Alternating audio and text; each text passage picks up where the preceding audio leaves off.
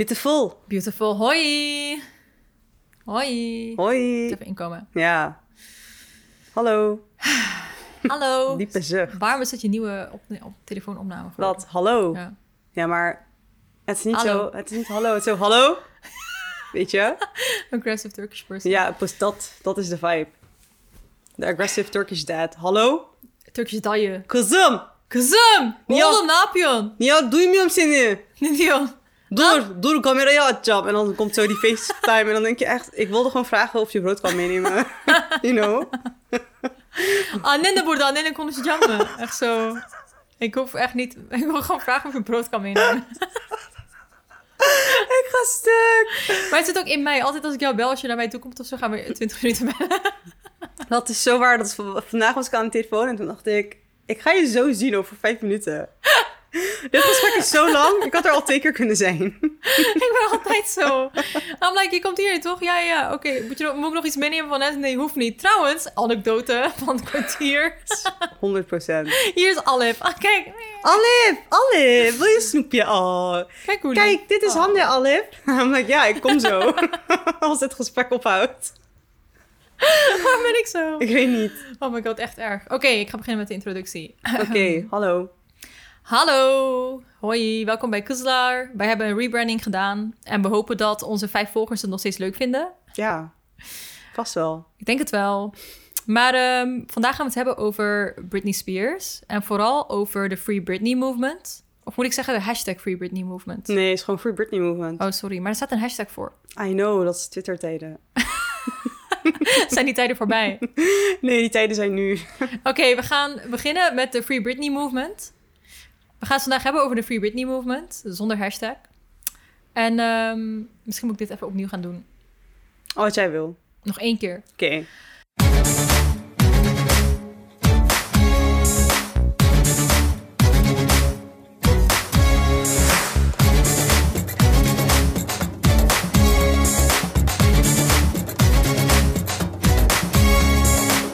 Hoi! Hoi. Welkom bij onze nieuwe aflevering van Kuzar Podcast. We hebben even een rebranding gedaan, die misschien niet eens opvalt. Nee. het komt nog. Mensen gaan denken, wauw, was dit jullie comeback? Maar het is onze comeback. Dit is onze officiële comeback. Dit is onze comeback. We hebben geen Insta-post, behalve één op Apology Note. Zo begint het, hè? Dat je je hele Insta leeghaalt. Natuurlijk.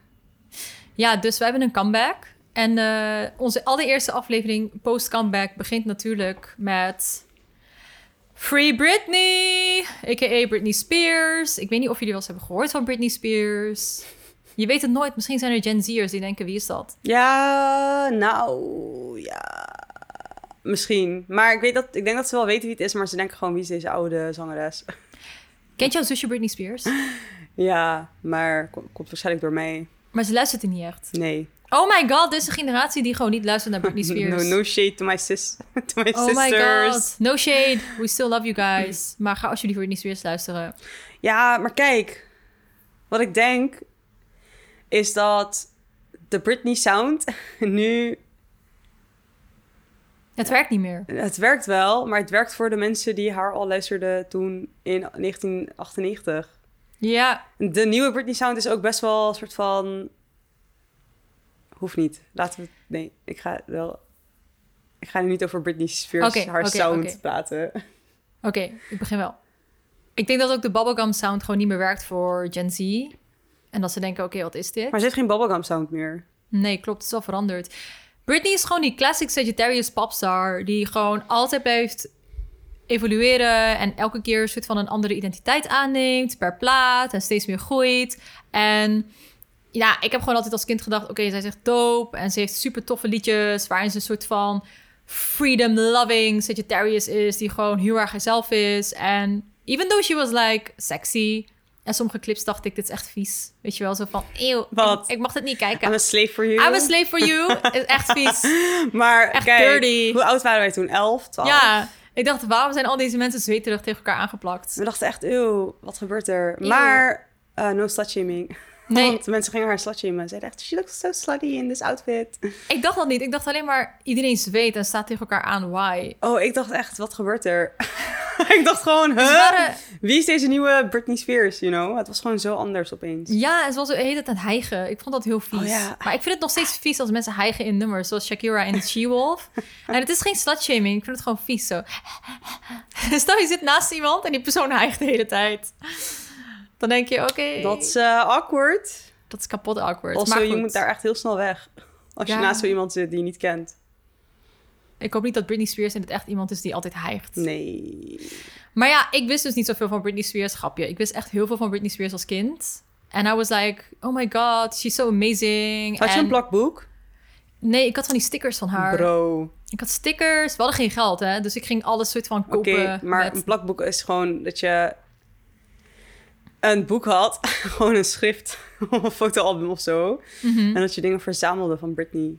Gewoon Ja, dingen maar- uit kranten of tijdschriften of zo. Ja, ik had geen geld voor kant en tijdschriften. I was a sad kid. That's sad life. In poverty. Maar ik had wel zo'n stickers. Die kreeg gewoon vriendinnen en zo. Was ik helemaal blij mee. En ik had gewoon een dagboek waar ik allemaal dingen in zette. En ik ging zeg maar haar lyrics overschrijven. Omdat ik dacht, ik kan Engels. Oh ja, oh, those good times. Wanneer ik zulke dingen terugzie, denk ik echt, girl, wauw.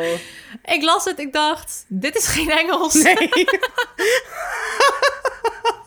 ik heb ook van die boekjes, die heb ik nog steeds. Ja, maar ik was zo fan van haar. Ik dacht, I want to like write down all the words that she sings, you know. Oh, maar waren het wel echt de words that she sings, of was het ook gewoon niet de, de correcte lyrics? Het waren gewoon niet de correcte lyrics, man. Ik Oh. was kind. Ik ging het gewoon opschrijven. Maar those were not the words, Tienjarigen nu zouden je echt shamen, hè? I know. Ja. Everyone is like bilingual. Hallo, wij spraken toen Turks, Nederlands, een beetje Engels. I know, maar ik bedoel meer van tienjarigen van nu, die denken echt, hoezo kan je dit niet verstaan? Hoezo kan je dit niet in het Engels opschrijven? Weet je, wij hadden geen smartphones toen. We hadden geen smartphones, we hadden geen internet. We hadden geen internet. Dat waren de tijden. Ik zweer, we hadden geen internet. We hadden geen internet. Mensen zijn niet per se opgegroeid met internet altijd. Nee, we hadden internet op school op één computer. Ja. En ik was de laatste persoon die thuis een computer kreeg van de hele klas. Pas na de basisschool volgens mij. Toen ik van de Ja. basisschool naar de middelbare school ging. Wij ook, toen. Poor people The life. poor people life. Maar ik was niet zo poor dat ik niet een hitskrantje kon kopen. Ja, ik wel, want ik kreeg geen geld. Voor drie gulden of twee gulden of zo. Hoeveel was dat? Weet niet, man. Twee gulden. Het was twee gulden, man. Throwback. Toch? Iemand die nog weet hoeveel een hitkrant kost? Let me know. Heb je oude hitkrant met Britney Spears? Stuur ze naar me op. Hande heeft letterlijk een feestje gegeven met als thema 90s. En er hingen gewoon posters aan haar muur uit de hitkrant. Ja, en Breakout. Oh ja, Breakout. Oh my god. Ik vond de Breakout kut. Ik vond de Breakout ook kut. Ja. En de Girls met een Z. Girls, daar had ik geen posters uit. Toen ik naar de eerste, Jammer. eerste klas ging, kreeg ik een Girls met een condoom erbij. Ik was 12. Nederland! Nederland die denkt, oh, je gaat naar de middelbare school. Hier is een condoom. Geen seksvoorlichting. Gewoon just be safe. En een tampon. Twaalfjarige Turken denken echt, wat? wat is dit? en, je, en je ziet een tampon, je denkt... Why did my mom never tell me you could also use this? Ja, Tampons zijn niet de ik, vibe. dat is waarom ik geen tampons gebruik. Just- Nee. Although, we hadden wel beide in onze all-female household. Dat is wat chill. We Ja. alleen maandverband. Ik gebruikte wel een tijdje tampons. En een cup. En dan was ik, nee man. Maandverband is gewoon the easiest way. Maatverband is gewoon the way. Maar kijk, soms, Soms is het niet chill. soms is het gewoon niet chill. Alle mensen zonder baarmoeder die dit luisteren denken echt... Wauw. Ja, luister. Now Anne, learn about this. Learn about this. Do the work. Do the work, bitch. You want to be a better person, do the work. Over periods. Oké, back to Britney.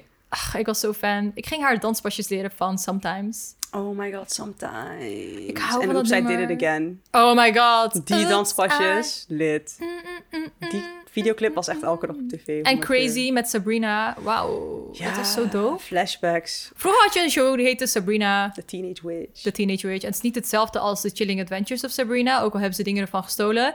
It's not the same show. It's not. Maar ja, niemand gaat de oude Sabrina kijken. Maar het is toch wel een soort van remake, maar dan niet echt. Niet echt. Maar je hebt Like- dezelfde personages. Ja, maar het is zo anders, man. Je hebt Salem en je hebt die tantes en zo. Het is zo anders. Maar er zijn gewoon heel veel andere Het is een soort van de edgy versie van de vroegere Sabrina. Ja, de edgy crossover met Riverdale. Love. Weet je nog? Riverdale. Iedereen, kijk het. Twee mensen die het kijken denken nu... Ja, Ja, Riverdale. Een comment over Riverdale. We love you. Maar eh, nooit gezien. Oeps. Ja, Britney was ook een keer Sabrina. Britney was gewoon overal, man. Je zag haar overal. Britney was overal. She was dating Justin Timberlake. Gadver, more on that later. More on that later. But we were like standing them back then met hun all denim Of course, outfits. luister. Die all denim outfits. Iedereen like- was NSYNC fan, toch? Ja, maar vooral Justin Timberlake. Ik was echt Ja, fan van hem. Want wie is, wie is NSYNC zonder Justin Timberlake? Niemand kent al die andere mensen. Oké, noem de andere mensen die in NSYNC zitten handen nu. Ik weet alleen hoe één van ze eruit ziet. maar kan, ik weet niet hoe die andere eruit zien. Luister, wacht even. Hoe heette zij? Justin. Dustin. Nee. James. James. Oh nee. Jamie. Dylan.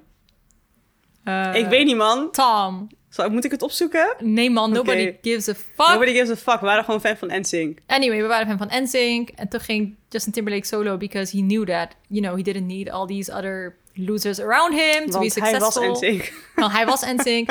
en toen gingen ze zo met z'n tweeën naar de VMA's of zo. Britney en Justin in een all denim outfit. Ik dacht, oh my god, I love you guys. Iconic. Het was echt iconic. Maar iedereen was fan van haar. Everybody loved her. En ik denk niet dat per se heel veel mensen weten wat er met haar leven is gebeurd in de afgelopen paar jaar, in de afgelopen tien jaar.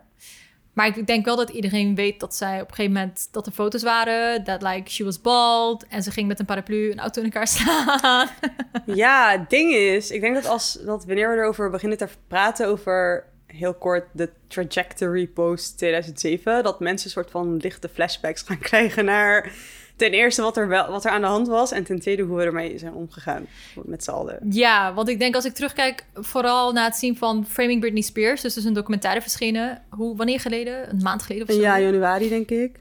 van de, de New York Times, waarin ze dus gaan praten over basically wat er sinds 2007 vooral is gebeurd.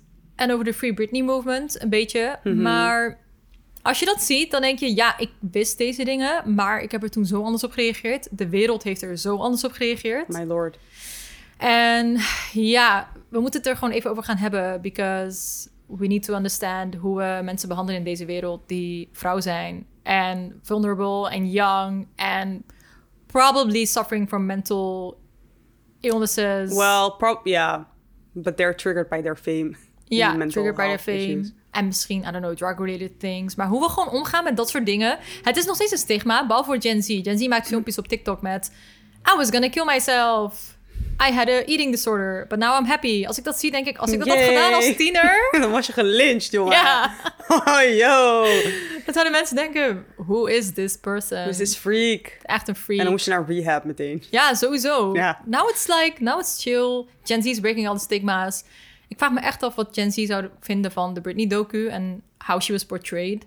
Dat kan nu bijna niet meer op die manier. Maar ik denk dat, nou, weet je wat grappig is? Dat, eh, nou, het is niet grappig, maar dat ehm, iedereen die de docu heeft gekeken en gewoon leefde toen dit allemaal gebeurde en oud genoeg was om te beseffen dat het gebeurde en de tv's had en tv keek en tabloids las en internet had, dat ze nu allemaal shook zijn. En dan denk ik, why are you shook? Je was daar toch? Ik heb het allemaal toen meegekregen. Ja, ik heb het allemaal meegekregen. Alleen, Nee, maar mijn- ook zoek om wat er zeg maar... eh, wat er zeg maar werd gedaan in de media. Dat mensen Ja. daar zoek op waren. En ik ga straks wat voorbeelden geven ook over hoe ver dat kon gaan. In big crowds, waar niemand zegt... wat de fuck zijn we allemaal aan het doen, you know?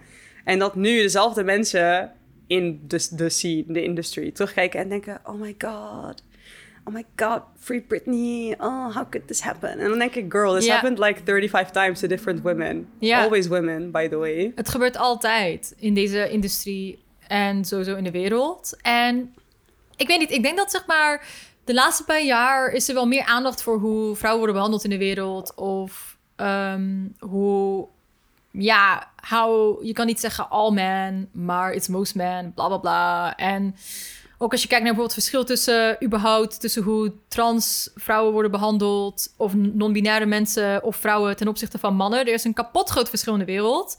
En we keep highlighting it. En er zijn nog steeds mensen die denken, maar waarom moeten we het de hele tijd hebben over genderidentiteit? Weet je, als mensen die denken, wat heeft huidskleur ermee te maken? Maar je kijkt deze documentaire en je denkt gewoon, ik dacht echt, het is zeg maar, dat zegt iemand zegt ook op een gegeven moment in een documentaire van, dit zou niet zo, zo zijn gebeurd bij een man.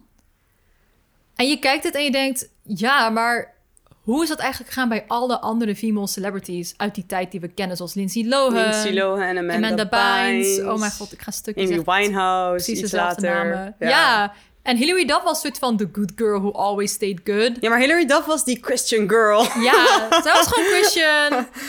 Like, wholesome, holy. Kijk naar Miley Cyrus. There was nothing to shame daar. Snap je? Ze konden niks vinden. Ze dachten, we laten haar gewoon gaan. Het Zij is het, er- de voorbeeld, het voorbeeld voor wat mensen wilden dat hun kinderen zagen op tv. Dat was Hilary Duff. I mean, we love Hilary Duff. No offense. Maar Stel je voor dat Hilary Duff ook een beetje sexy outfits aan had gehad. Dan zou dat echt een ding zijn heeft ze bijna geweest. nooit gedaan. Bijna nooit. Nee. Ze had een beetje van die casual, cool, edgy. Zij was gewoon die Virgo Sexy die dacht... outfit. I don't want to show off everything in once. Ja. I want to be like hidden behind the scenes. Maar ik denk dat we allemaal wel gewoon iemand kunnen opnoemen waarvan we denken van... hoe is dat eigenlijk toegegaan? Net als die Paris Hilton docu die vorig jaar ook uitkwam. Ik heb het gevoel, sinds lockdown... er komen allemaal documentaires uit over famous people. En I'm like, oh, ze hebben ook al wel best wel een moeilijk leven gehad. I thought it was just me. Misschien hadden ze allemaal heel veel tijd om hierover na te denken. En toen dachten ze, ik ga hiermee naar buiten. Behalve Ja. Britney, want zij kan het niet. More on that also later. Ja, more on that later. Maar laten we inderdaad beginnen over waarom Britney er niet per se over kan praten. Laten we gewoon beginnen bij Britney. Ja, nou, oké. Laten we erover beginnen. Eh, dit is een beetje een moeilijk onderwerp om over te praten, denk ik. Want we hadden het net ook voor de opname erover dat het door mensen in brede kringen, maar ook heel, heel erg in Nederland wordt gezien als soort van een conspiracy theory. En wat de conspiracy theory is, ga ik zo vertellen. Maar het is ook een beetje een lastig onderwerp, omdat de persoon waar iedereen het over heeft, die heeft niks te zeggen. Want we horen haar niet in het hele verhaal. It's like other people talking about it. Primarily her fans. dus je denkt echt, wat is de source? Het zijn de mensen die niet in haar leven zitten. Maar het zijn ook wel mensen die een beetje in haar leven zijn. Zoals advocaten of ex-advocaten of ex-paralegals en zo. Die hier iets over kunnen zeggen. Maar je hoort niks van haar familie. Je hoort niks van haar vrienden. Heeft ze vrienden? I don't know. you know? Kan je vrienden maken als je 12 jaar niemand mag zien? Ik denk het niet. Of behouden, Oh überhaupt? my god. Überhaupt zeg maar, ook die iconic foto van haar met Paris Hilton en Lindsay Lohan. I'm like, were they really truly friends? By the way, als je daar meer over wil weten, Paris Hilton heeft nu haar eigen podcast. En deze week heeft ze daar een aflevering over gedaan. Over dat, die foto, die dag. Oh, ik wil het echt zien. Ja, het is Oh, deze week. Oh dus my god. iedereen volg, wat is haar podcast? Paris Hilton uh, something. Gewoon googlen Paris Hilton podcast. Ja, kijk gewoon op haar Instagram. maar also, just looking at their signs, denk ik, deze Sagittarius, Aquarius en Cancer. Would they still really be friends right now? Nee. nee. Het is zo geen goede combinatie. Dude, Lindsay Lohan is living her best life in Dubai of weet ik wel waar ze nu is. Ja, ze is op de foto gaan met Erdogan. Ja, Toen ze moslim was, heel dat even. waren de tijden. Wat krijg je als je naar Dubai verhuist? You're like, wow, maybe I'm gonna be a Muslim. And then you leave Dubai. and you're like- Aesthetics. je wel. voor de aesthetics. Nee, misschien is ze gewoon echt, eh, echt een moslim, weet je. Maakt niet uit. No, uh, shade. life. Maakt niet uit. Live your best life. If you're a cancer, live your best life. Ja, maar met Britney, we wilden dus deze aflevering sowieso al een tijdje maken. Maar nu coincide het heel mooi met de documentaire. Dus iedereen is opeens op de hoogte van dat er iets aan de hand is. Maar het is dus een beetje lastig om er echt factual over te praten. Want what are the facts? Who brings the facts? Weet je, het zijn podcast hosts van Britney's Gram. En een paar mensen die zogenaamd aan haar zaak hebben gewerkt. Dus het zijn eigenlijk allemaal mensen die niet echt in haar leven zitten. Zoals Ja. fans die een podcast hebben gemaakt over haar Instagram-page. Ja, Mensen die ooit met haar hebben gewerkt. Mensen die ooit haar advocaat zouden zijn, maar het mocht niet. maar ze mocht niet voor haar eigen advocaat kiezen. Ja, het zijn allemaal mensen die niet kunnen spreken voor Britney. Maar het ding is, Britney Spears kan tegenwoordig gewoon niet per se voor zichzelf spreken. En that's Nee. not something new. En we maken ons zorgen Ja, als Britney-fans sinds Ja. 1998. 97 toch? Ja, ik weet niet, 98 was ik fan. dus eh, Toen kwam haar eerste single toch uit in 97? ja, eind 97. Probably 98. Nederland loopt altijd een jaar achter. Nederland loopt sowieso achter, maar ik weet dat ik pas fan was toen haar album net uit was. Ja, ik ook. Want waarschijnlijk hadden we toen hier op TMF of zo videoclips, weet je. Van Baby One More Time. Precies. Zo, ik weet nog, ik was zo fan, jongen, van die clip. Iedereen, man. Waarom was hij zo cool, man? Ik kijk hem nu en ik denk gewoon, wauw, ik wist gewoon nog de eerste keer dat ik hem keek hoe ik me voelde En ze was like kind. 16 of zo. Ja, she was so cool. Insane. I don't get it. Ja, Ik Maar- kan niet iemand noemen ook die op Britney Spears lijkt. Op dat aspect. Nee, want... Het, nee, ja, de Spice Girls. Maar dat zijn meerdere mensen. Ja. oh my god, Britney Spears is gewoon vijf mensen in één. Britney Spears is gewoon dominating the industry. Terwijl iedereen boybands en girlbands wilde hebben. Er was één girlband. Er waren 900 boybands. Ja. Laten we een keer praten over boybands uit eind jaren 90. Dat is echt een soort clusterfuck aan wat gebeurt hier. Gewoon wat K-pop nu een beetje doet met Ja. Korean boybands. Dat was gewoon jaren 90, man. We moeten het er een keer over gaan hebben. En, En, dan Zeros. kijken of we nog allemaal namen weten van die mensen. Nee, Ik wil het hebben over Blue. ik hou van Blue. Ik Blue! hou van Blue. Blue is wel zo'n late boyband. One love. Zij kwamen... Uh, uh, one love. Oké, dit is niet de Blue-episode. Oh nee, sorry. Dit is de Britney episode. Ah, ja, Free Britney. Ehm, maar ja, oké, het is dus 2021. Iedereen is nu caught up on the situation. Want ze hebben misschien de documentaire gekeken, misschien niet. En dan hebben ze alles erover gelezen, want er zijn duizend miljoen artikelen en 50 miljoen TikTok-filmpjes gemaakt hierover. En dit is een legitimate amount of TikToks. 50 miljoen over Free Britney. Ik ga stuk. Hoe kan je zoveel filmpjes maken?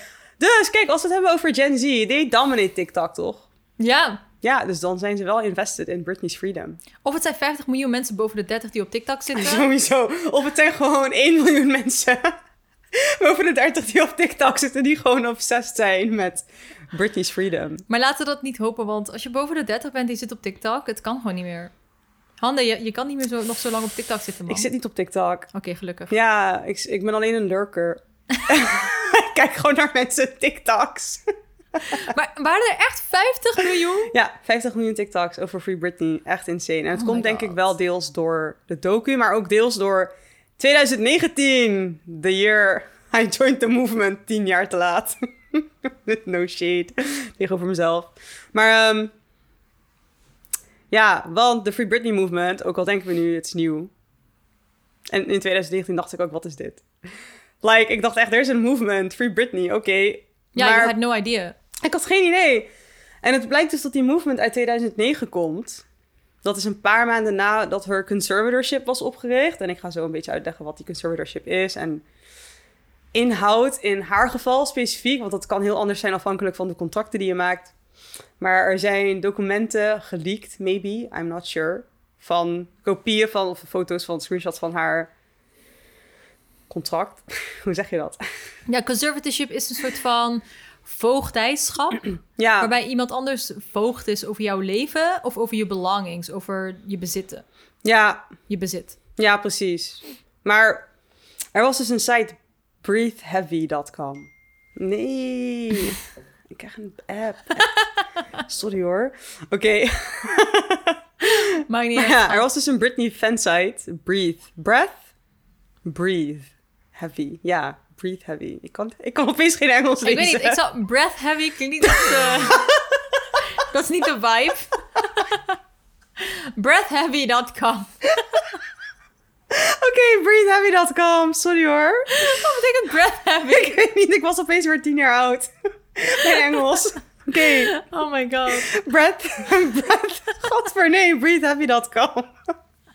Oké, en je had een guy, ik weet even niet hoe hij heet, sorry. Die had eh, op zijn website, want hij is de oprichter, is hij de Free Britney Movement gestart. En dat kwam dus al heel snel nadat die conservatorship was vastgesteld. Was hij het begonnen op de website breathheavy.com? Ja, ja, ja, precies. Breatheheavy.com. Waarom breath heavy? Ja, ik weet niet man. Breathe, dat is gewoon breathe. Misschien omdat hij denkt, hij hijgt in naar nummers. Ja, Breathe heavy. breatheheavy.com. Ik ga stuk. Sowieso. Anyway. Ja, of Brit. Breath. Maybe it's like a... Breathe, breath, breath. Whatever. Who Heavy. cares? Who cares? Nobody cares about this Thank name. God that they exist, though. En ik heb dus gekeken van, oké, conservatorship. Want ik wilde niet duizend keer conservatorship zeggen in deze podcast. Maar er is letterlijk geen Nederlands woord hiervoor. Want het is zo'n Amerikaans concept. Ja, dat heb je hier gewoon niet. Het is zo'n juridisch Amerikaans concept dat ik het niet kan vertalen. Dus ik ga gewoon even uitleggen wat het inhoudt. Imine zei het net al. Maar inderdaad, basically eh, heb je een voogd of conservator. Die wordt aangesteld door een rechter om de financiële zaken en het dagelijks leven van een ander te beheren. vanwege fysieke of mentale beperkingen. Maar meestal doen ze dit met dus hele oude mensen met dementia, because they're like, don't even know where the fuck they are most of the times. En zij krijgen dan een conservator die voor hen dingen kan ondertekenen, weet je wel, dingen kan bepalen, hoe ze met hun geld moeten omgaan en zo, omdat die mensen daar, dat gewoon echt niet kunnen. Ja, En ehm, omdat ze zelf geen keuzes kunnen maken, zogenaamd volgens de rechter. Ja. En in die leaked documents van Britney zag je dus dat een van de redenen dat ze dit hadden gedaan voor haar was dus dementia. Which doesn't make any fucking sense als we kijken naar haar carrière sinds 2009. En like, hoe oud was ze toen dit werd vastgesteld, Ik zogenaamd? 27? Ja, en het stond niet in haar medical records ook, toch? Dat ze dement is. Nee. Britney Spears had dus zogenaamd dementia en toen kreeg ze een conservator. Ja. En haar conservator was dus haar vader, Jamie Spears, die we haten. Maar ehm, We don't stand. We don't stand. Ehm, de Britney docu, Framing Britney Spears, die kaart het heel kort even aan. Zo van, haar vader is de conservator over Britney's estate, haar geld, haar carrière. Haar medical, like wat voor medicijnen ze moet innemen, of ze haar zoons mag zien of niet. Ja, maar ook, Wie er mogen langskomen thuis. ze kan zeg maar niet unsupervised op social media. Ze kan niet, Oh my god. eh, ze kan niet, auto, ze mag geen auto rijden. Eh, ze kan niet naar buiten wanneer ze wil. Ze kan niet winkelen. mag ze Ze- havermelk drinken?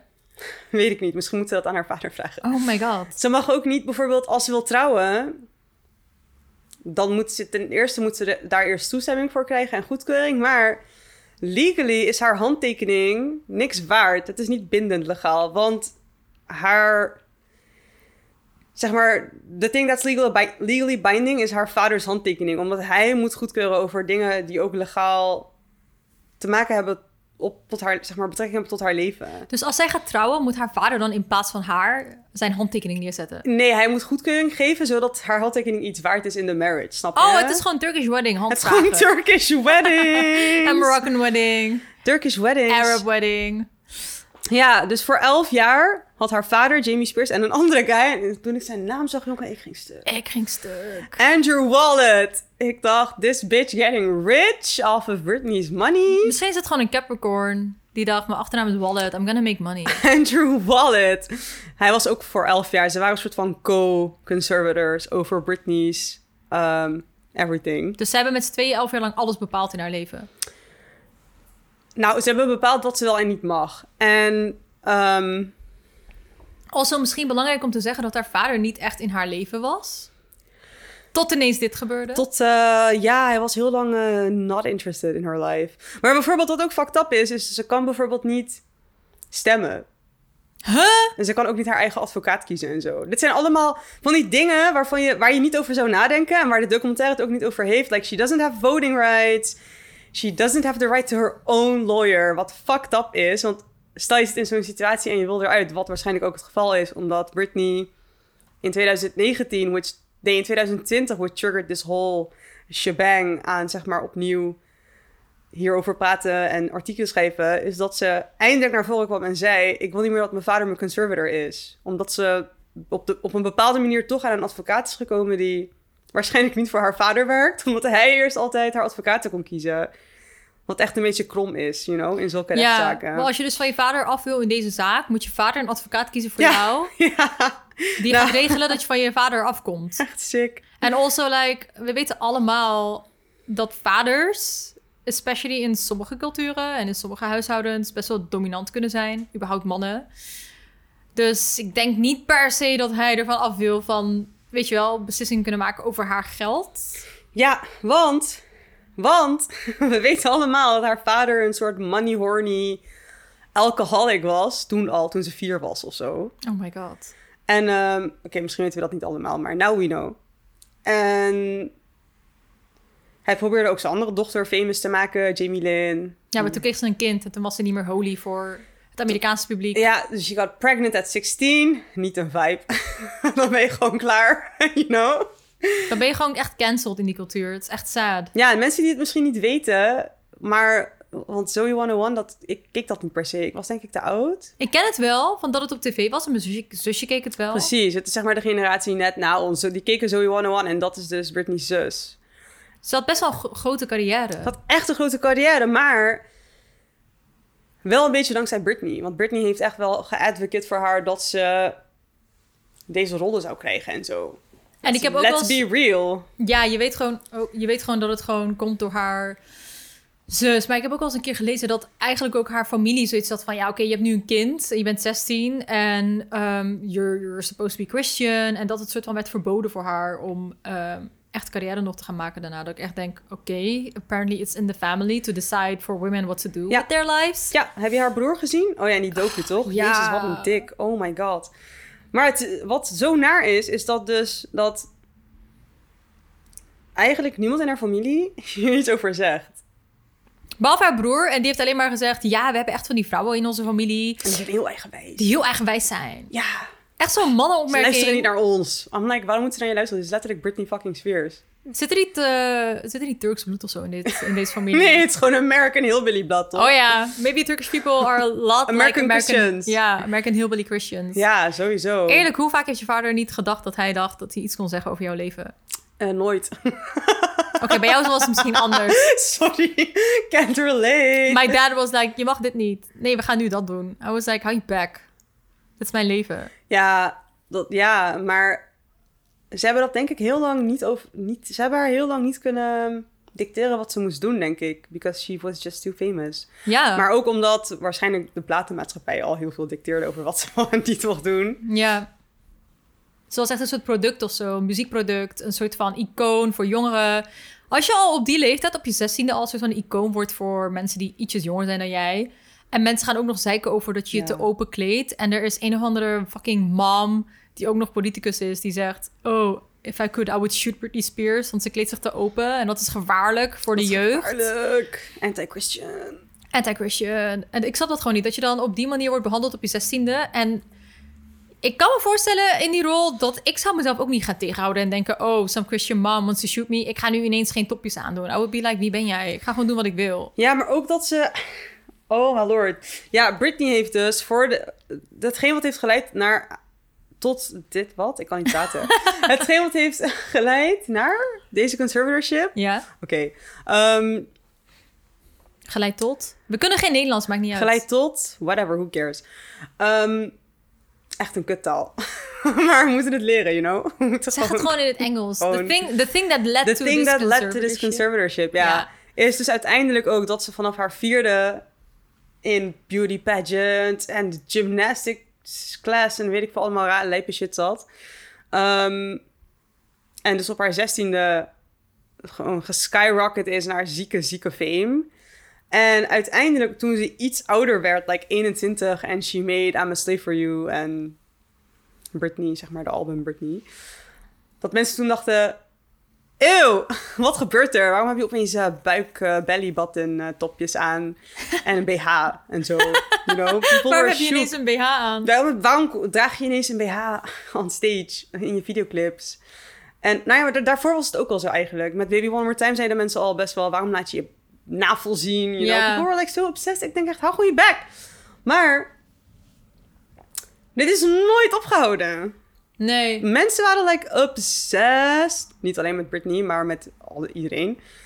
Hoe je eruit zag. Hoe dun je was. Wat voor haarkleur je hebt. You know, like heb je een onderkin op deze foto van een van de 50 shots van de paparazzi. Of zo van, je hebt een food belly en they're like, oh my god, Oh my god, she's pregnant. Oh, pregnant, of Pregnant. course. Pregnant, who's the dad? Altijd. Who's the dad? And you're like, I just ate a hot dog. Or five. Like five hot dogs. Ja, en ehm wat was ik aan het vertellen, man? Oh ja, hoe, dit, hoe de conservatorship is gebeurd. Is dus dat uiteindelijk... Also, waar komt die hele paparazzi-cultuur vandaan? Even serieus, when did that start? Ja, het ding is, zij tijd, had dus... toch? Voor die conservatorship moet je kunnen laten zien waarom iemand zogenaamd niet voor zichzelf kan zorgen of kan kiezen. En in de documentaire zie je dus dat het eigenlijk te maken had met vooral één avond waarin dingen gewoon iets te ver uit de hand zijn gelopen. Ja, Maar- maar, nou, mm, ja. Of twee avonden misschien. Het documentaire skipt, skipt een beetje wat informatie, want... Britney had zeg maar tot aan 2007, laten we zeggen in de early zeros... Oké, early zero- zeros was ze famous. Laten we zeggen 2005 of zo. In die laatste twee jaar van haar carrière is ze gewoon... Ik denk elke dag dat laat het ook wel zien. Elke dag harassed door like 50 mensen van de paparazzi. Ja. Allemaal, allemaal mannen. Allemaal mannen. Allemaal mannen! Toxic masculinity. Allemaal fucking disgusting mannen die haar gewoon letterlijk aan het harassen zijn. De hele dag. Overal waar ze naartoe gaat. Met haar kinderen, you know, like, dude. Anyway. En ze heeft toen al een paar keer eerder soort van kleinere mental breakdowns gehad. En ze moest steeds naar rehab. Toen moest ze uit rehab. Toen moest ze naar een mental health clinic. Toen moest ze uit een mental health clinic. En dat was ook de hele tijd in het nieuws. Dus eigenlijk zie je haar soort van... Als je zou terugkijken naar tabloids van die tijd... Ten eerste, not one nice thing about her. Niks. En ten tweede zie je ook heel vaak... Oh, Britney checked herself into rehab again. Weet je wel, gewoon om de maand of zo... is er een of andere shaming article over mental health... of over dat ze er zo slecht uitziet. Ja. Oh ja, kijk, ze heeft een break, breakout, breakout in haar gezicht. Ja, she looks horrible. She looks sad. She's fat. She gained weight. En She's a bad mother. she's a bad mother. Maar het ding is, ik denk dat die paparazzi-cultuur heel erg ook gelijk zat met ehm, hoe überhaupt naar vrouwen werd gekeken in die tijd. Ik weet ook nog dat er zo'n interview was met Lindsay Lohan bij fucking David Letterman of zo. Waarin hij ook gewoon zegt van... ehm, hij vraagt dan volgens mij naar either jail or rehab or both.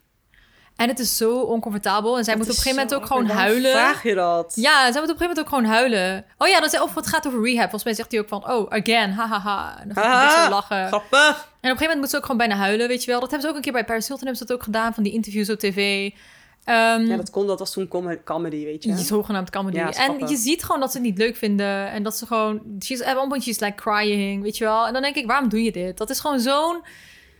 Like, disrespect voor het feit dat iemand struggelt met een addiction... of mental health problems of wat dan ook. Dat taboe. En die hele paparazzi-cultuur is denk ik een soort voorloper geweest... van hoe we nu op social media heel veel kunnen delen van onszelf. Maar dat soort is ook van- waarom het is afgestorven. Ja, mensen hebben dat nu meer. het is gewoon afgestorven omdat de narrative... Iedereen is- heeft een camera. Ja, maar nee, maar dat. Maar de narrative is geshift van mensen moeten vissen naar wat celebrities doen. Naar celebrities have their own narrative nou. Want Ja. ze hebben een eigen platform. Ze kunnen alles delen wat ze willen. Of wat ze niet willen, kunnen ze niet delen. Dus het heeft niet echt per se heel veel meerwaarde. Je hebt, je hebt natuurlijk wel nog van die zielige mensen die... You know, voor je hek gaan staan en wachten je naar buiten loopt, zodat ze een foto kunnen maken voor some money. And everybody is like, we don't give a fuck about this anymore. Ja, vroeger was het nog dat je een miljoen kon krijgen voor een foto. Vooral die foto van Britney Spears, dat ze zo met de afgeschoren hoofd, met de paraplu, auto van een paparazzi aanvalt. Die guy heeft gewoon die foto's verkocht voor kapot veel geld. Ja, Je ziet hem in een documentaire en hij zegt ook gewoon van... ik denk niet dat we daar iets hebben gedaan wat zij niet leuk vond. Want ze zei nooit, leave me alone. En toen ik zei echt, een ze van zei de... dit letterlijk zo vaak. Ja, in een van de interviews van de documentaire zei... What about when she said leave me alone? en hij zo, ja, but she only said like leave, leave, leave me alone for today, not like forever. Ik dacht echt, dude, ze is zo vaak op interviews geweest Dude, ze is over iemands voet heen gereden met haar auto. Als Ja. dat niet een hint is van get the fuck out of my way, dan weet ik het ook niet meer. En mannen hadden ook gewoon ruzie om haar heen om foto's te maken van haar. Maar dat, dat moment dus, wat, dat moment waar we het net over hadden van, waar iedereen ook van zegt, dat was het moment dat ze besloten om een conservatorship aan te gaan. Dat was denk ik een soort van the last straw. Ja, Ja, Ehm, dat is dus. Volgens mij is dit letterlijk. Een, als je een top 5 moest maken van de most known images of our time. Dan is het gewoon Britney met de tondeus in haar, in haar hand glimlachend voor de spiegel met een soort van een half Ja. afgeschoren hoofd. Bro, er waren 50 mensen die daar foto's van hebben gemaakt. ja. 50. Om like 9 uur in de avond, gewoon in een random straat, you know, bij een random kapper. Dat ik denk, 50, minstens 50 paparazzi dudes. En zij weet dat ook. En zij weet dat ze er ook zouden zijn. Zij wilde Ja. gewoon dat haar hoofd kaal werd geschoren. Sommigen denken omdat ze rehab was. En ze kunnen dan niet testen of je drugs in je lichaam hebt. Omdat ze je haar niet kunnen testen. Mhm. Anderen denken omdat ze ook op een gegeven moment in de auto zei... nu kan niemand me meer aanraken. Omdat ze zoveel aandacht kreeg. Whatever the reason is. Het feit dat je naar een kapper gaat en een kapper wil je niet kaal scheren... en je pakt zelf de tondeus en je doet het zelf... is voor mij gewoon een bold-ass move. Het is ook een bold-ass move die laat zien dat je niet dement bent. Ja, en you don't give a fuck. Exactly. It's Ze kijkt ook naar de camera. Ze kijkt naar de camera. Ze weet dat ze haar zien. Net als toen ze die tatoeage nam. Ze weet het. Het is een statement. Ja, Apparently dachten mensen dus, oh, ze is dement. maar en toen haar kwam vader, haar vader, die dacht... Oh, this is my time to shine. I'm gonna milk my daughter until she's poor. Even though had hij jarenlang geen contact met haar. Ineens komt hij op de scene. Oh ja, my daughter is dement. Also, eh, ik wil al haar geld. Wil ik over kunnen beslissen. Ja. En over haar leven. En like, the judge was like, oké, is goed. Ja, en wat daarna kwam... Ik zat dus, ik zat dus eh, in een soort van rabbit hole aan Britney-content. Want ik heb heel erg gekeken naar 2007, het jaar van haar mental breakdown... en het jaar van haar return. Dat ik echt dacht, hoe? Sorry. Nu, in onze tijd... Ons, dat was ook onze tijd, maar gewoon in het nu... Demi Lovato of zo. Als iemand een zieke mental breakdown heeft... dan zijn ze gewoon echt een hele lange tijd weg. Ja. You know? Dan gaan ze niet opeens na negen maanden een album maken... terwijl ze al vier jaar geen muziek hebben gemaakt.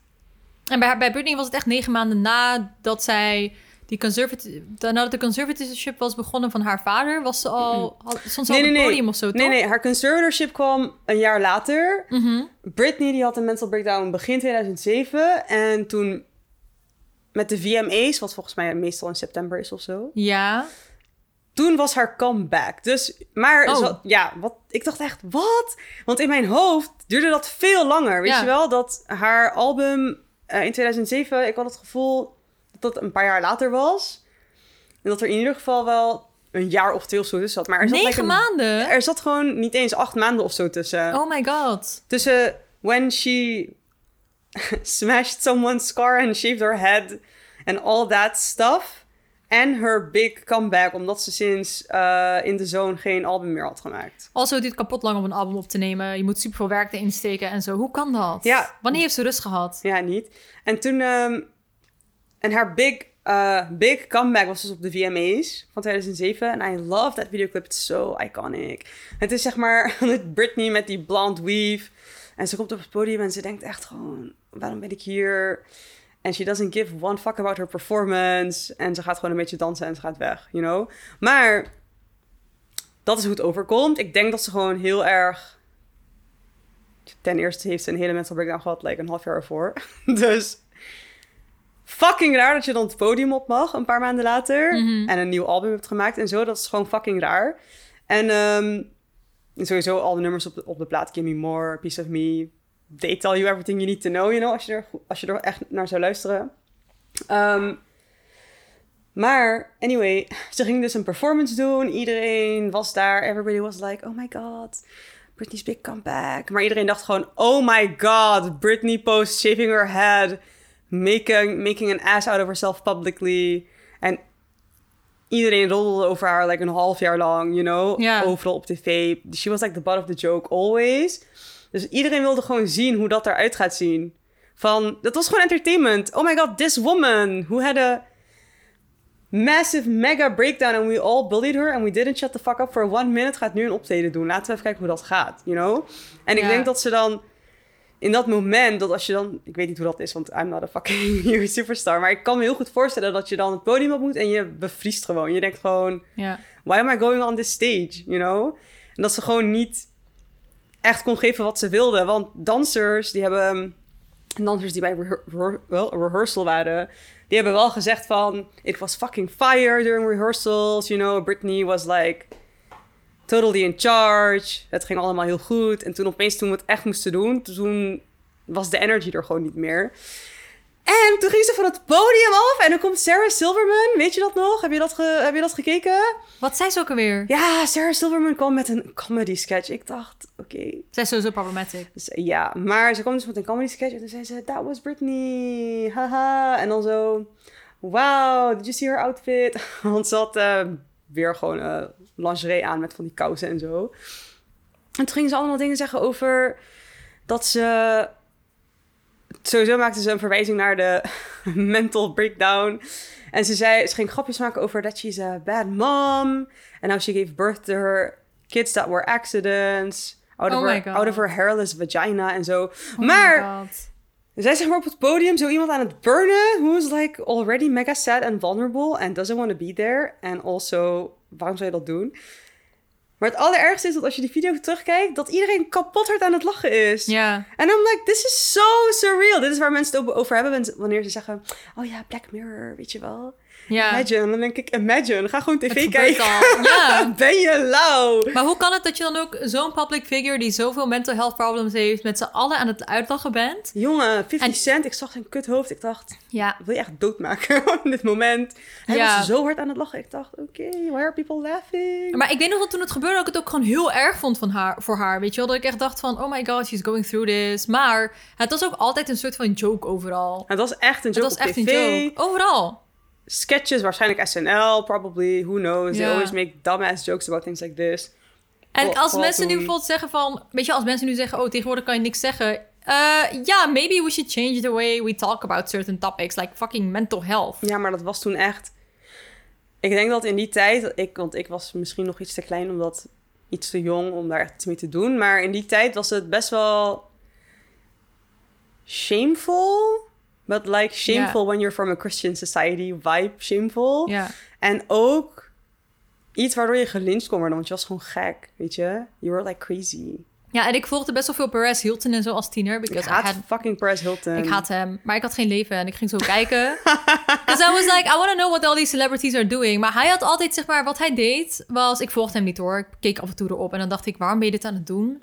But also because I saw that he was getting famous from talking about famous people. Perez Ja, Hilton is zo iemand Especially die... famous women. Ja, Perez Hilton is zo'n guy, die heeft zo'n website waar hij altijd foto's, paparazzi-foto's van celebrities deelde, maar dan zeg maar lijntjes onder hun neus ging tekenen. Zo van, haha, ze hebben het ook gedaan. en jizz op hun gezicht en zo. Jizz op een gezicht en zo. Gewoon een fucking kleuter. Dacht echt, are you kidding me, dude? Echt een kleuter. Maar suddenly werd hij famous en rich. En ik dacht, hoezo is deze guy rich Maar en luister, famous? hij is letterlijk een van de redenen waarom mensen zoals Amanda Bynes en zo een hele Ja.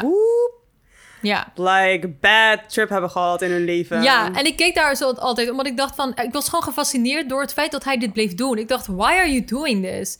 And how are you... Ik was zeg maar heel erg bezig met how this person is allowed to do this. En hoe die bijvoorbeeld aan paparazzi-foto's komt, waarom die paparazzi-foto's er überhaupt zijn. En I tried to get to why suddenly he was like... Ik zag hem ineens in tv-series en films. Ik dacht, waar, waarom de fuck krijgt deze persoon een stage? Dit is toch fucked up wat hij doet? Hij was zeg maar heel Het veel celebrities up, aan het exposen. Maar het was entertainment. Ja, en ik snapte het niet. En ik dacht, eh, toen ik hem voor het eerst zag in de film, dacht ik... Huh, dit is gewoon die celebrity gossip dude... die iedereen aan het trashen is. Waarom is hij ineens famous? En nu is hij ook famous. Hij is nog steeds famous, maar ik denk, en daar komt hij weer, maar ik denk echt dat dat die white male privilege is. Ja. Van vooral in post, like, in tijden voor, laten we zeggen 2016 of zo, toen mensen een beetje meer enlightened waren over eh, zulke dingen. Toen kon het gewoon. Je kon Ja. gewoon zulke dingen zeggen en maken en schrijven. En wanneer je dan een celebrity had die jou aanvalt op wat jij doet, dan was jij de crazy person, you know? They were like, hallo, eh, dit kan toch gewoon? Het is toch normaal? Het is een beetje, doet me ook een beetje denken aan, weet je wel, al die accounts. Dat heb je nu in die ehm ehm, MENA-omgevingen, zeg maar. Allemaal van die guys die, zeg maar, meisjes gaan exposen die hun accounts op privé hebben staan, weet je wel. Oké. Heb je dat een beetje gevolgd? Dat is Sorry, een ding. wat? Ja, er zijn van die guys. Ik weet niet of Turkse mensen er ook aan meedoen, maar er zijn gewoon van die guys die zo zijn van. They're also like in their 30s, 40s, weet je wel. Die dan zo. Je weet toch, niet iedereen wil zijn account op public hebben because you want to share whatever the fuck you want to share over je leven. En je wilt niet dat je hele familie het weet. Sommige families zijn niet per se open over wat je deelt op het internet over jezelf. Nee, precies. Also, iedereen weet, ook in onze culturen, dat vrouwen en meisjes ook gewoon daten. But like, you're not supposed to talk about it. Niet openlijk. Maar wat deze guy doet, is dat hij gewoon mensen aan het exposen is. Zo van, oh, dit meisje, ze is zogenaamd vroom. Maar eh, kijk wat ze allemaal op Instagram post. Weet je wel? Nou, en hou je fucking back. Snap je? Het is nog steeds een ding. Het is nog steeds een ding. Het gebeurt nog steeds. En ehm, somehow zijn er mannen die elkaar niet hierover aanspreken. Terwijl ik denk, doe het gewoon. Maar beseffen we dat iemand dat met je doet? Maar dan niet één persoon, maar hordes mannen. Gewoon iedereen. Iedereen wereldwijd. Sowieso hoorden ze mannen die 24-7 voor je huis staan En ze verdienen er geld aan. en Je... je achtervolgen in de auto. achtervolgende auto, ze verdienen er geld aan. Aan jou exposen. Niet eens alleen in de auto, gewoon overal. Overal, in Just de supermarkt, bij je Een deur. soort van je unwanted gang. Ja, You know? Al je stalkers. Al je fucking legal stalkers. Gadver. En niemand doet er wat aan, want ze mogen het gewoon blijven doen. Want dit is toch ook waarom Lindsay Lohan naar Dubai is verhuisd? Omdat je daar niet... Het is gewoon letterlijk illegaal om iemands foto te maken. Ja. Without their permission. Zij dacht echt, fuck this country. Ja, er wordt niks gedaan. Getting the fuck out. Ik weet nog dat ik ook bijvoorbeeld Taylor Swift had ook een documentaire uitgebracht ergens in de afgelopen twee jaar. En zij zei ook gewoon, sowieso was van haar bijvoorbeeld bekend dat zij was zo traumatized door paparazzi-foto's dat ze merkte dat als ze s'avonds naar bed ging, dat ze nog steeds het gevoel had dat ze een glimlach op haar mond had. Because you're like used to it. Omdat ze dan haar ogen dicht doet en je ziet, ze zag nog steeds de flashes van de paparazzi. Of course, dat letterlijk. Dat is Oh echt my God. oogverblindend licht. En ze zei ook van, want zij was vroeger ook iemand die ehm, een tijd lang soort van eh, heel erg hip was. En lijkt ze had heel veel vrienden en zo. Maar die vrienden gingen ze op een gegeven moment eh, een soort van laten zien als een soort toxic girl gang. Waar je alleen welkom bent met size zero. En how she was promoting like size zero-ness. En hoe ze een slecht voorbeeld was voor jonge meisjes. Ik dacht, wauw, dit is iets wat al Ja. tien jaar gebeurt. Iedereen waren slechte voorbeelden voor jonge meisjes. Ja, dat krijg je gewoon als je te dun bent, als je niet dun genoeg bent, als je niet mooi genoeg bent, als je niet dit doet, als je niet dat doet. En zij zei op een gegeven moment ook van ja, I had to like go off the grid, omdat ik het gewoon niet meer trok om dat te doen. En ze heeft een jaar lang bijna niemand gezien, ze is Ja. binnengebleven. Puur omdat ze zei, ik kon het niet meer aan. Zij was het dus die zei van dat, dat de paparazzi de hele tijd denkt dat ze zwanger is, omdat ze nu eh, niet meer size zero is. En dat ze automatisch denken, oh, ehm, weet je wel, Nog steeds. waar komen deze vormen vandaan? Maybe she's pregnant. Or she's maybe just eating and working out. Ja, en she was like, I'm finally eating again. I'm feeling healthy again. Laat me gewoon eten. Stop judging me. Maar het zit zo in haar systeem om erop te letten door die fucking paparazzi. Stel je voor, hè, als je, als je iets op Instagram zet of zo. Ik ben best wel open op Instagram over everything political, maar ook gewoon over mezelf. En ik post allemaal filmpjes van mezelf met snor. Because I love it. Maar je bent altijd wel bewust van dat mensen meekijken. Maar stel dat mensen dingen van jou posten waar jij geen controle over hebt. En dat dat legaal is. En dat ze er geld aan verdienen, En- miljoenen. ja. En daarom zijn ze het ook de hele tijd aan het doen. Because they're gonna get rich off of your pictures. En het is zo kut, omdat ik het idee heb dat bij die conservatorship van de vader... Die vader had voor mijn gevoel door alle paparazzi-shots... soort van bewijs van waarom Britney dement zou zijn... of niet voor zichzelf zou kunnen zorgen. Ik denk echt Ja. dat het ook echt met de paparazzi te maken heeft... en al die shots en al die beelden. Want als je zeg maar no context, allemaal materiaal van iemand bij elkaar propt, waarin ze gewoon random op staat aan het huilen is met haar kind in haar arm, of gewoon op tv begint te huilen, Oh. no context, dan, oké, nog steeds zou je daar niet echt een zaak aan moeten ook. Ik snap het gewoon niet. Ik snap sowieso is de hele vraag rondom deze conservatorship, how did this even fucking happen? En dat, Ik snap het niet. dat is zeg maar, denk ik, hetgeen wat de Free Britney movement, om even terug te lopen, heeft getriggerd. Want, of eh, de wereld in heeft geholpen. Omdat mensen dachten, want Britney heeft die hard fans. Iedereen heeft die hard fans, maar Britney fans zijn een soort van non-aggressive Britney loving fans. Ja. You know? Ik denk dat ze echt dachten, wait, what is this? En dat ze gingen kijken van, wat is een conservatorship? Of toevallig was iemand een lawyer of zo die dat wist. En op de website, in het, op het forum of ze heeft gezegd van... Guys, this is fucking weird. En dat ze toen dachten van... Hoe kan je een 27-jarige persoon die nog 50, 60 jaar gaat leven... onder zo'n contract, legaal bindend contract stoppen... waar waarschijnlijk nooit iemand onderuit is gekomen. Want ze, ze gingen toch in de docu ook kijken van... Ze Kan je dat vroeg- ontbinden? Ze vroegen toch aan die vrouw... Ja, ze vroegen aan zo'n judge, of niet een judge, een advocaat van... heb Ja. je ooit meegemaakt dat zo'n contract is ontbonden, zo'n conservatorship? En ze zei nee. Nee, dat is toch fucking ziek? En dan denk ik, hoe... Ook nog van een vader die er nooit voor haar was. Misschien was die judge ook gewoon een man die een vrouw zag, zeg maar. Die, eh, weet ik veel, eh, haar hoofd had kaalgeschoren en met een paraplu een auto had aangevallen. En hij dacht, ja oké, Nou, je laten dan het aan haar vader over. Hoe kan je dat doen? I don't know. Ik What's snap, your job? ik snap de VS sowieso niet, want je kan daar mensen gewoon aanklagen als ze eh, naar je hond spugen. Ja, Zeg maar wat. dat I love. Ik wou dat ik dat hier ook kon doen. maar oké, prima. Maar als het... De Ik- justice system daar is sowieso fucked up. Het is sowieso fucked up, maar... Maar ik vind het nog steeds bizar dat dit is gebeurd. Want kijk, het ding is, zij zit nog steeds onder de conservatorship. En niemand begrijpt hoe het überhaupt is begonnen. En niemand begrijpt hoe je eruit kan komen. En wat ik echt, echt heel fucked up vind, dat zei ik net ook al, is dat we tot vorig jaar, denk ik, niks van haar familie hebben gehoord. Nog steeds niks van Jamie Lynn. Ja, Like, fuck that bitch. ik denk dat zij ook gewoon eh trapped is, jongen.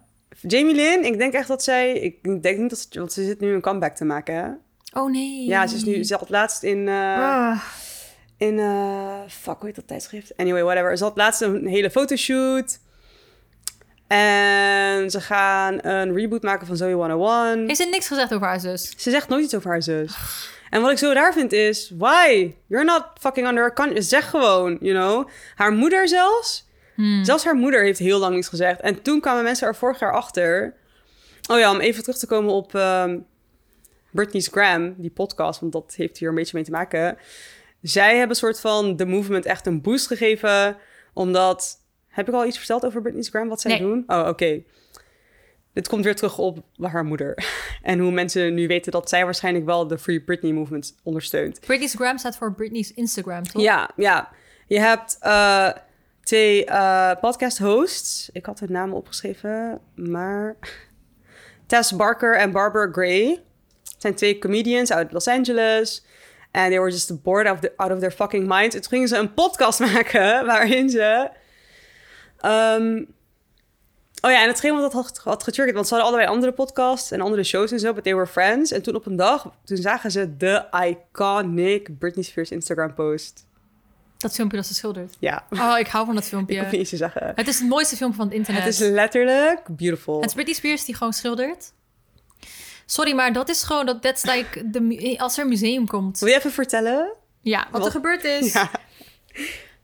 Je ziet Britney, er wordt ingezoomd. Ze is met één knie of zo op een soort stoeltje of Ja, zo. En ze is aan het schilderen met een soort eh, palet in haar ene hand en een kast in de andere hand. Is aan het schilderen. En het beeld gaat zo naar Britney heel langzaam. En dan draait ze zich om naar En ze heeft zo'n schildersblouse aan. Ja, zo'n schildersblouse. en zo. haar fitness outfit. En een fitness outfit, maar dan zo'n blouse om haar heen, om haar fitness Ja, outfit heen. En haar zo.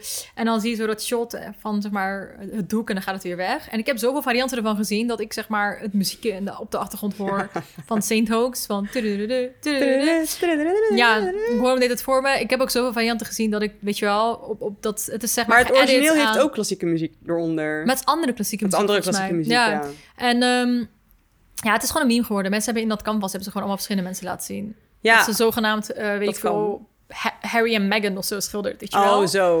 Ja, maar in, de, in het iconische filmpje schildert ze dus bloemen. Volgens mij Ja. watercolor of zo. Ja. En Beautiful. Britney making art is art. Fucking gewoon. beautiful, beautiful.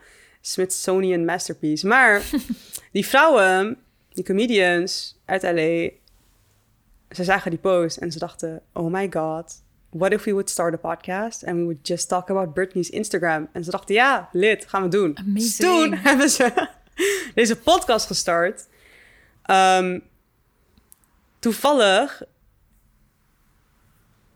gewoon een paar, want een paar afleveringen later ging het opeens over zo'n internet breaking Britney post op haar Instagram, waar ik het over ga hebben. Maar wat zij dus doen is alsof ze een of andere cold case analyse aan het doen zijn per Instagram post. Gaan ze elke week een aflevering maken en kijken van, what did Britney post this week?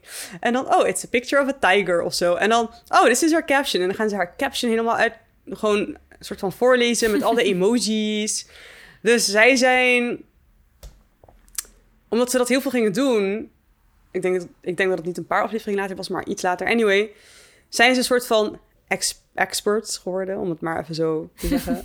in Britney's online signature, zeg maar, binnen hoe ze praat en wat voor posts ze maakt, weet je. En toen kwam er een post in januari 2019. Ehm, heb je, heb je waarschijnlijk wel gezien, we kunnen hem ook even op Insta posten. Van haar met haar ouders, zo'n foto dat ze vijf is of zo, zes is. En dan zo'n mega lange caption van... I'm gonna quit my eh, Las Vegas residency. Bla bla bla, want mijn vader is ziek en hij is opgenomen in het ziekenhuis. En het gaat nu wel beter met hem, you know. Like, hij mag binnenkort weer naar huis. Dit, dat gewoon zo'n heel verhaal over why she's quitting her Vegas residency. Toen dachten mensen al, why are you quitting your Vegas residency? Want ze had net haar contract vernieuwd. Want ze had al vier jaar, like, one of the biggest fucking shows in the history of, like, showbiz gedaan in Vegas. Ze kreeg een verlenging omdat het zo goed ging. En dit komt van een persoon onder een conservatorship. Die niet haar eigen keuzes mag maken. Die niet haar eigen, eigen keuzes mag maken, but the fact that she's at that point one of the biggest performers in the entire industry. En ze heeft zo haar fucking shit in orde. En ook als je praat met haar of interviews leest met haar crew, no fucking problems, weet Ja. je? En dat je dan, eigenlijk je er niet bij stil, like, yo, deze persoon is onder een legaal bindend contract, waarin ze Ja. niet eens mag kiezen of ze dit wel of niet zou doen. Omdat ze dus ook zogenaamd dement is. Maar ja, in al die jaren dat ze zogenaamd dement is... en haar vader bepaalde wat ze mocht doen met haar leven en de geld... heeft ze honderdduizend optredens gemaakt. Ja. Gedaan. Ja, En, albums gemaakt. ja, en, En toen, deze Vegas Residency was volgens mij ook de beste van eh, Vegas Residencies ooit. Ja. Want je kan dus als artiest kan je daar een residency doen. En die van Britney was volgens mij iedereen's favoriet of zo in like, Mhm. jaren. En ineens ging het niet door. ineens ging het niet door, girl. En, eh, dat, en toen kwam dus die Instagram-post. En een paar dagen later kwam er een andere Instagram-post. Zo van... You always need to have a little me time. En dan zo een smiley, maar gewoon dubbele punt. En dan, hoe heet dat? Hoe heet dat?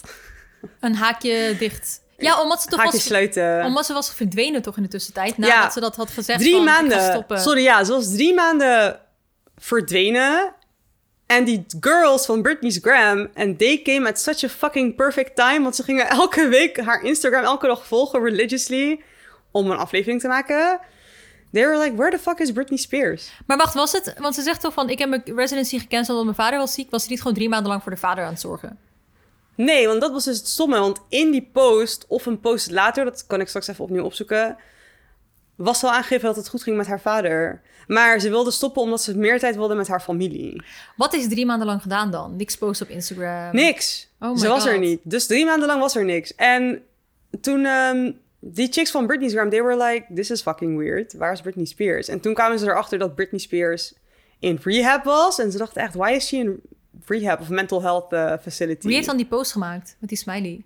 En een paar dagen later was ze dus naar een mental health facility. After ja. she said like she's really devastated by her dad's illness en zo. Maar het gaat wel beter met hem en dit, dat, dit, dat. Toen ging ze naar een mental health facility. Toen hebben ze daar een aflevering over gemaakt van Where's Britney Spears, you know? En hebben hierover gepraat.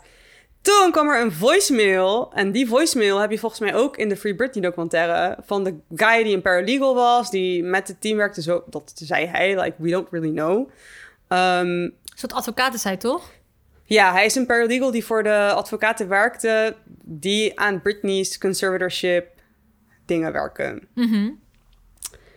Hij kwam toen met een voicemail waarin hij dus helemaal had uitgelegd wat er aan de hand is. En dat het niet zo goed gaat.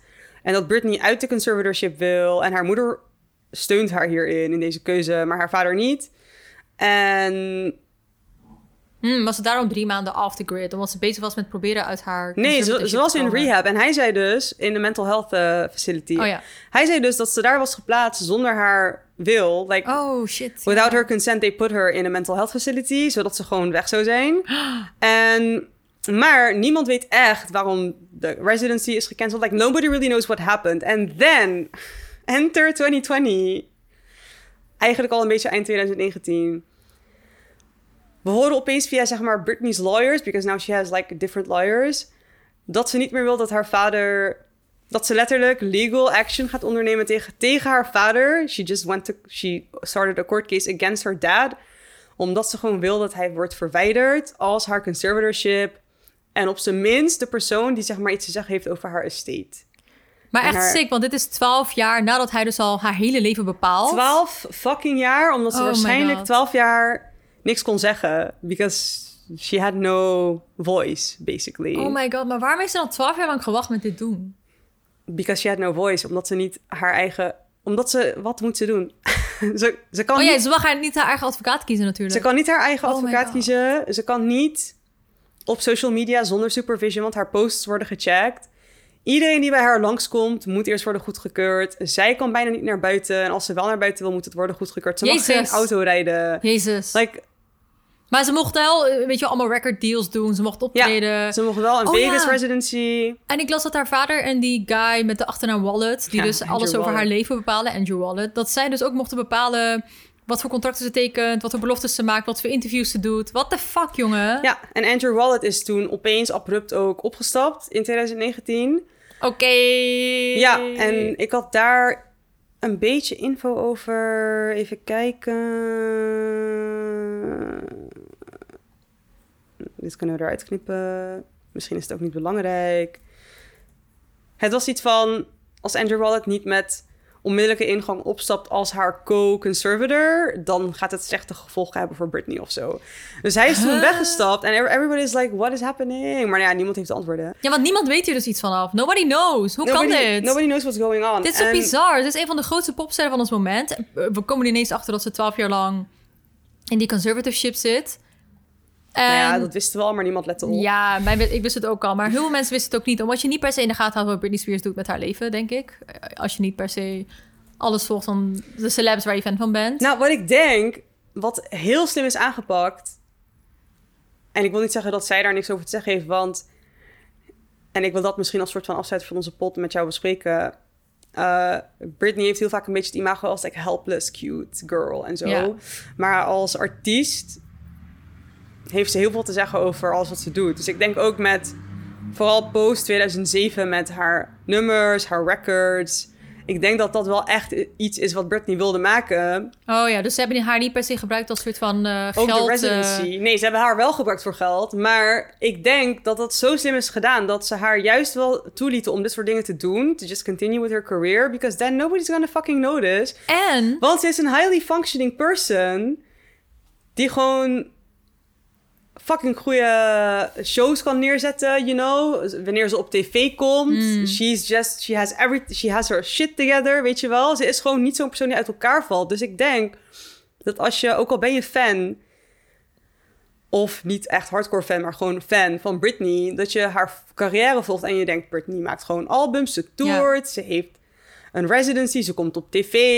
You know, je ziet niet per se die remnants van die residency. Also, ze was altijd op Instagram. Ze had gewoon haar eigen account. She was posting like a lot of cool, fucking cute videos of herself. dus je hebt niet echt door dat ze onder conservativeship leeft. Ik denk dat mensen dat dan gewoon een beetje vergeten. Omdat Ja, ze toch wel aanwezig is. Plus in de documentaire zeiden ze ook dat ze waarschijnlijk zelf heeft toegezegd aan de conservatorship, omdat ze op die manier begin, misschien, ja, ja. omdat ze op die manier haar kinderen mocht zien. Oh, want- dat was het. Ja, want ze mocht haar kinderen eerst niet zien van Kevin Federline, haar ex-husband. En waarschijnlijk had haar vader dus ook gewoon contact met hem.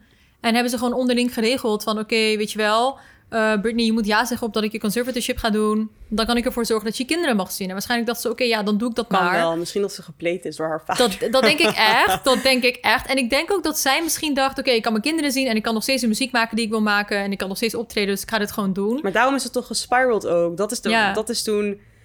Dat weet iedereen wel. Dat ze toen naar Kevin Federline is gegaan... en ze mocht haar kinderen opeens niet zien. En then she was like, fuck this, wat is dit? Ja, en toen kwam die conservatorship. Dus misschien Ja. zei haar vader van: ik kan het voor je oplossen. Maar het is ook sick, want Kevin Federline heeft ook een keer een eh, contactverbod voor die vader uitgeschreven, omdat hij misschien eh, hun kind in elkaar Ja. Jaden. Hij had dus Jaden Federline. Ja, want er is, ik had toch een eh, post gemaakt op Insta. Mhm. Dat, was, dat is zo'n Insta-live van Jaden Federline, hun zoon. En hij gaat gewoon random Hoe oud is hij? Acht of zo? Nee, man. Hij is echt een tiener nu, man. Oh, 15 wauw. of zo. Maar hij was toen 13. En hij ging op Insta live. En toen ehm, was hij met je hond aan het lopen buiten in de tuin of zo, weet ik veel. En mensen gingen hem allemaal vragen stellen. En een van de vragen was...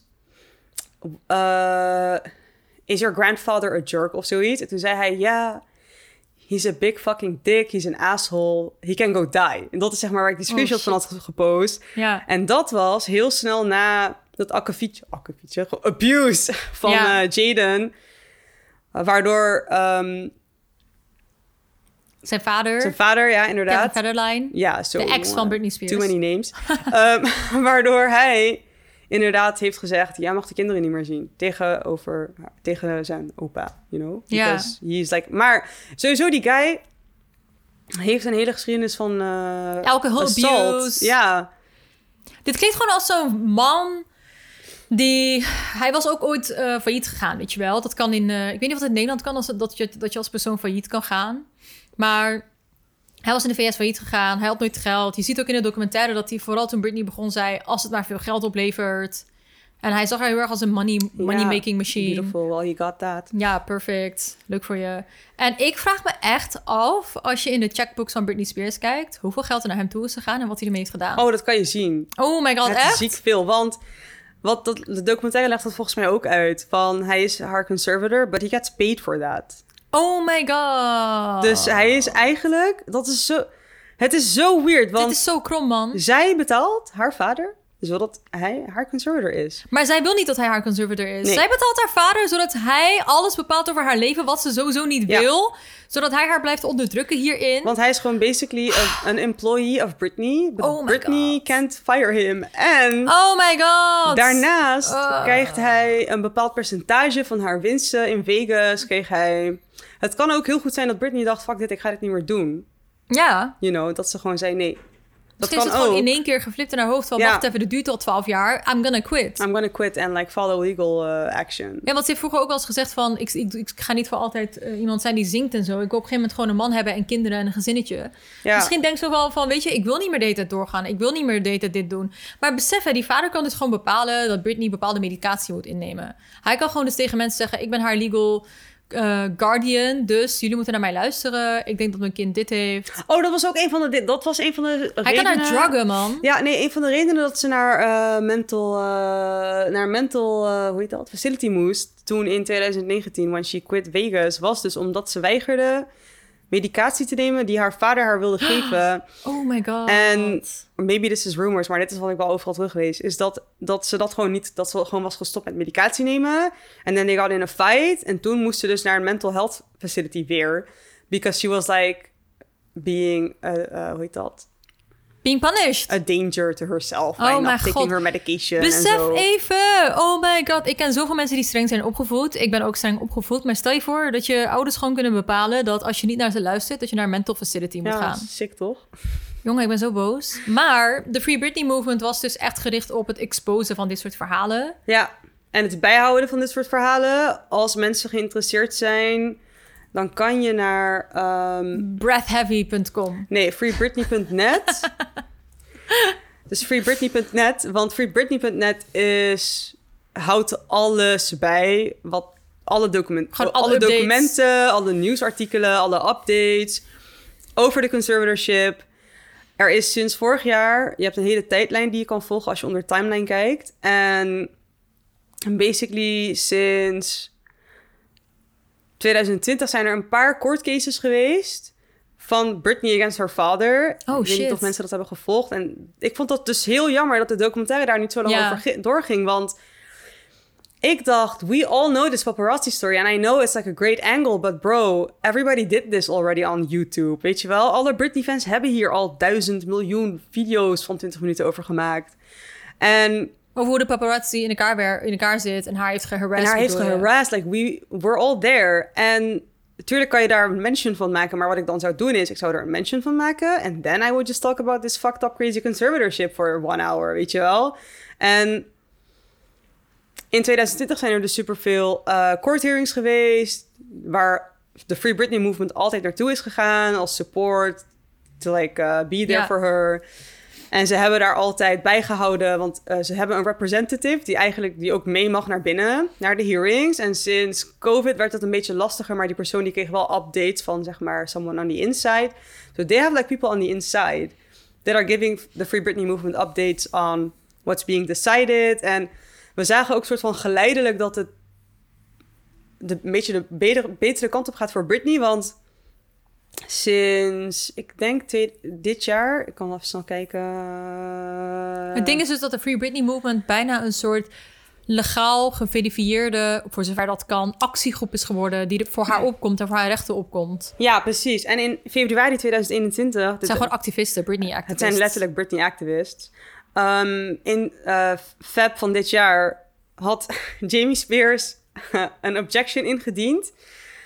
Met het verzoek van, luister, ik wil meer... eh, want hij had, een, hij had niet een soort van full custody over eh her estate. En hij is meer een co-conservator. Mhm. Dus hij had een ding ingediend van, een motie ingediend van...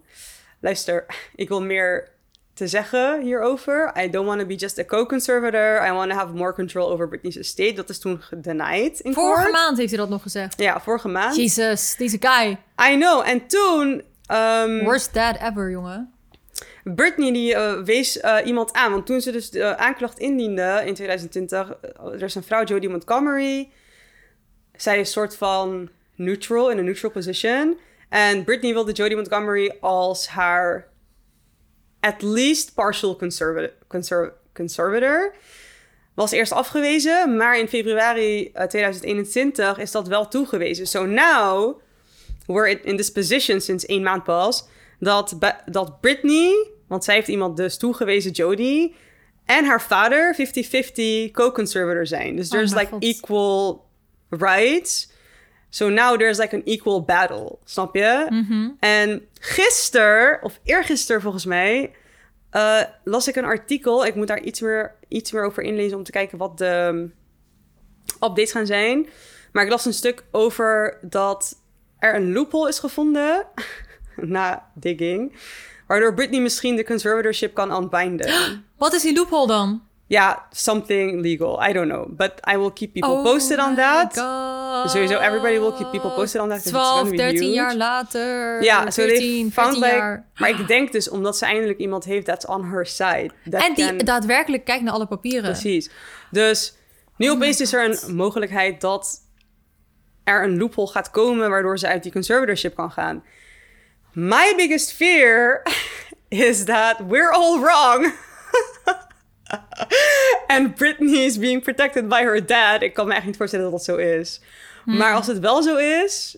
en we worden op een ochtend wakker... en Britney is like free... and then something horrible happens... I'm gonna be like the saddest person on earth.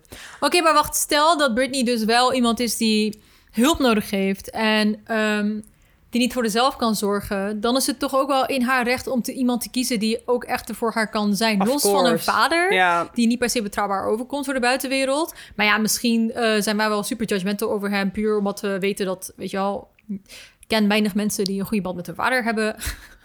en Maar vaders die... De media is best wel negatief over hem. De media is negatief over hem. Hij heeft ook best wel een track record van heel veel heftige dingen in zijn leven. En die... Britney is ook niet echt fan van hem, hè? Nee, maar daarom denk ik, je mag toch niet. zelf kiezen wie er dan voor je zorgt. Laat dan een objectief persoon, dat is ook in de documentaire gezegd, dat zij een objectief persoon wilde. Zoals Ja. een bank of zo, die gaat over haar belongings. Dus Ja. dan denk ik, ja, maar dit klinkt niet als iets wat Britney zou zeggen als ze puur alleen maar van de conservatorship af, af wil. Ze wil eigenlijk gewoon van haar vader af. Zo Ja, klinkt het voor mij. Voor mij klinkt het alsof ze van haar vader af wil.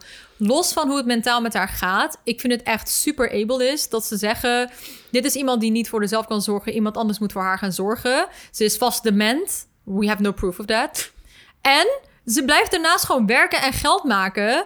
Maar ze mag zelf verder niks te zeggen hebben over wat ze doet met haar geld. Of haar leven. Of haar leven. Gewoon niks. Dat kan toch niet? fucking Hoe werkt de wereld dat we denken... deze probleem heeft vast een mentale ehm, eh, ziekte of zo. Dus we gaan deze persoons rechten van die persoon afpakken. Dat is echt, echt insane. Hoe kan dat? Wat is dat stigma? The beautiful nation of the United States oh of my America. god. Kijk, hier kan ik tenminste zeggen... ik heb ADHD, hier is mijn papiertje. Please accepteer dat ik niet op tijd mijn essay heb ingeleverd. Weet je wel? Ja. Hier houdt er, wordt er op bepaalde manier rekening mee gehouden. Niet altijd. Er wordt ook super erg gediscrimineerd op mensen die niet neurotypisch zijn. Maar daar word je er soort van voor gestraft of zo. Dat ik echt denk, yo, dit is een, een conservatorship. krijgen meestal hele oude mensen die echt oprecht niet voor zichzelf kunnen zorgen. En het gebeurt ook niet zo vaak, denk ik, dat mensen een conservatorship Ja, krijgen. en waar ik ben eerder, ik ben niet per se bang dat het misschien niet gelijk eh, waar blijft zijn, blijkt te zijn. Ik ben eerder bang dat die vader haar iets aan gaat doen wanneer zij eindelijk van hem afkomt of Nou, zo. waarschijnlijk zal ze wel een of andere restraining order of zo.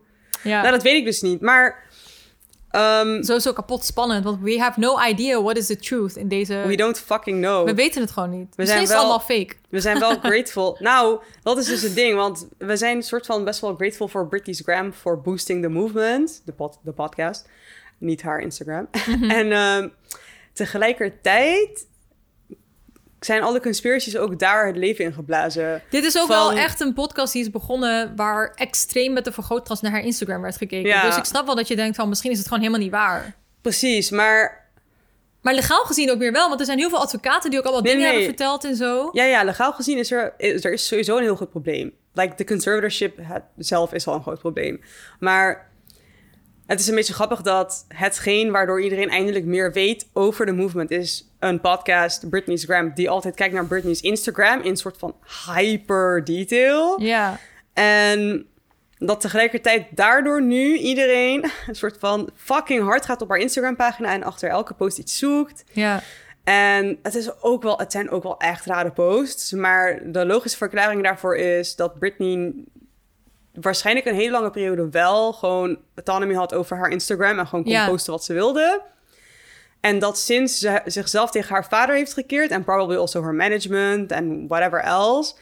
ze nu wel haar social media monitor. Dus ze kan opeens niet meer posten wat ze wil. Dus mensen denken, oh my god, she's sending us a message. I'm like, girl, Hoeft no, she doesn't have time for that. Ze kan niet al jullie comments lezen. Also, Britney is... Britney, ik denk dat zij meer een soort boomer is... die echt niet weet hoe je Instagram moet gebruiken. Ze is echt een boomer. Als je haar posts leest, denk ik, girl, I love you, maar nee.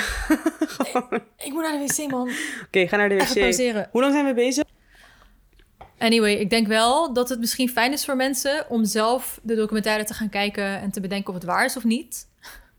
Want het klinkt nu misschien alsof we een conspiracy theory hebben uitgekleed... om te kijken of het klopt of niet. Maar er zijn ook echt dingen die niet kloppen aan dit verhaal.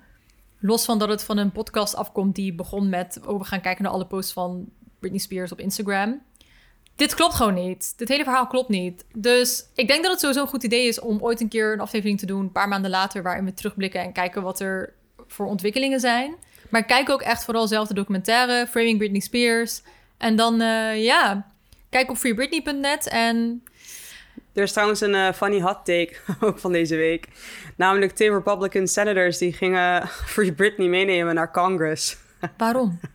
ik weet niet. Ze zeiden het zijn millennials, like de enige millennials in court, like, uh, in court, in Congress. And they were like, guys, Britney has a conservatorship. We have to talk about this. En ze willen gewoon dat Congress, haar gaat redden. Oh my god! Ik ging stuk, ik dacht, deze, deze Trump boys. Ja, maar ook, ook Trump stands gewoon. Oh my god. Zijn het boys? Het zijn boys. Oh my god, dit is fantastisch. Twee Trump boys, Republicans, die dit mee hebben genomen naar Congress. En Congress was like, we're kind of busy, you know, like with COVID relief en allemaal andere dingen. Maar ze hebben niet gezegd, we gaan er niet naar kijken. Dus misschien, who knows?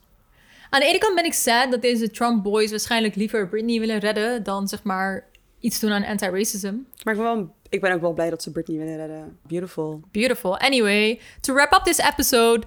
We gaan een Britney playlist maken. We gaan hem droppen. We gaan misschien een paar leuke clips delen van Britney. Zoals de Ja. Snake. Ja, een paar mm, fave moments. Onze fave moments. Beautiful en we komen nog een keer terug met een nieuwe aflevering hierover. Want ja, ik hoop dat jullie net zo invested zijn en willen weten hoe het gaat met Britney. Free Britney. Free Britney. Zonder hashtag, toch? Ja. Oké. Free Britney zonder hashtag. En kijk de documentaire. Doei. Oké, doei!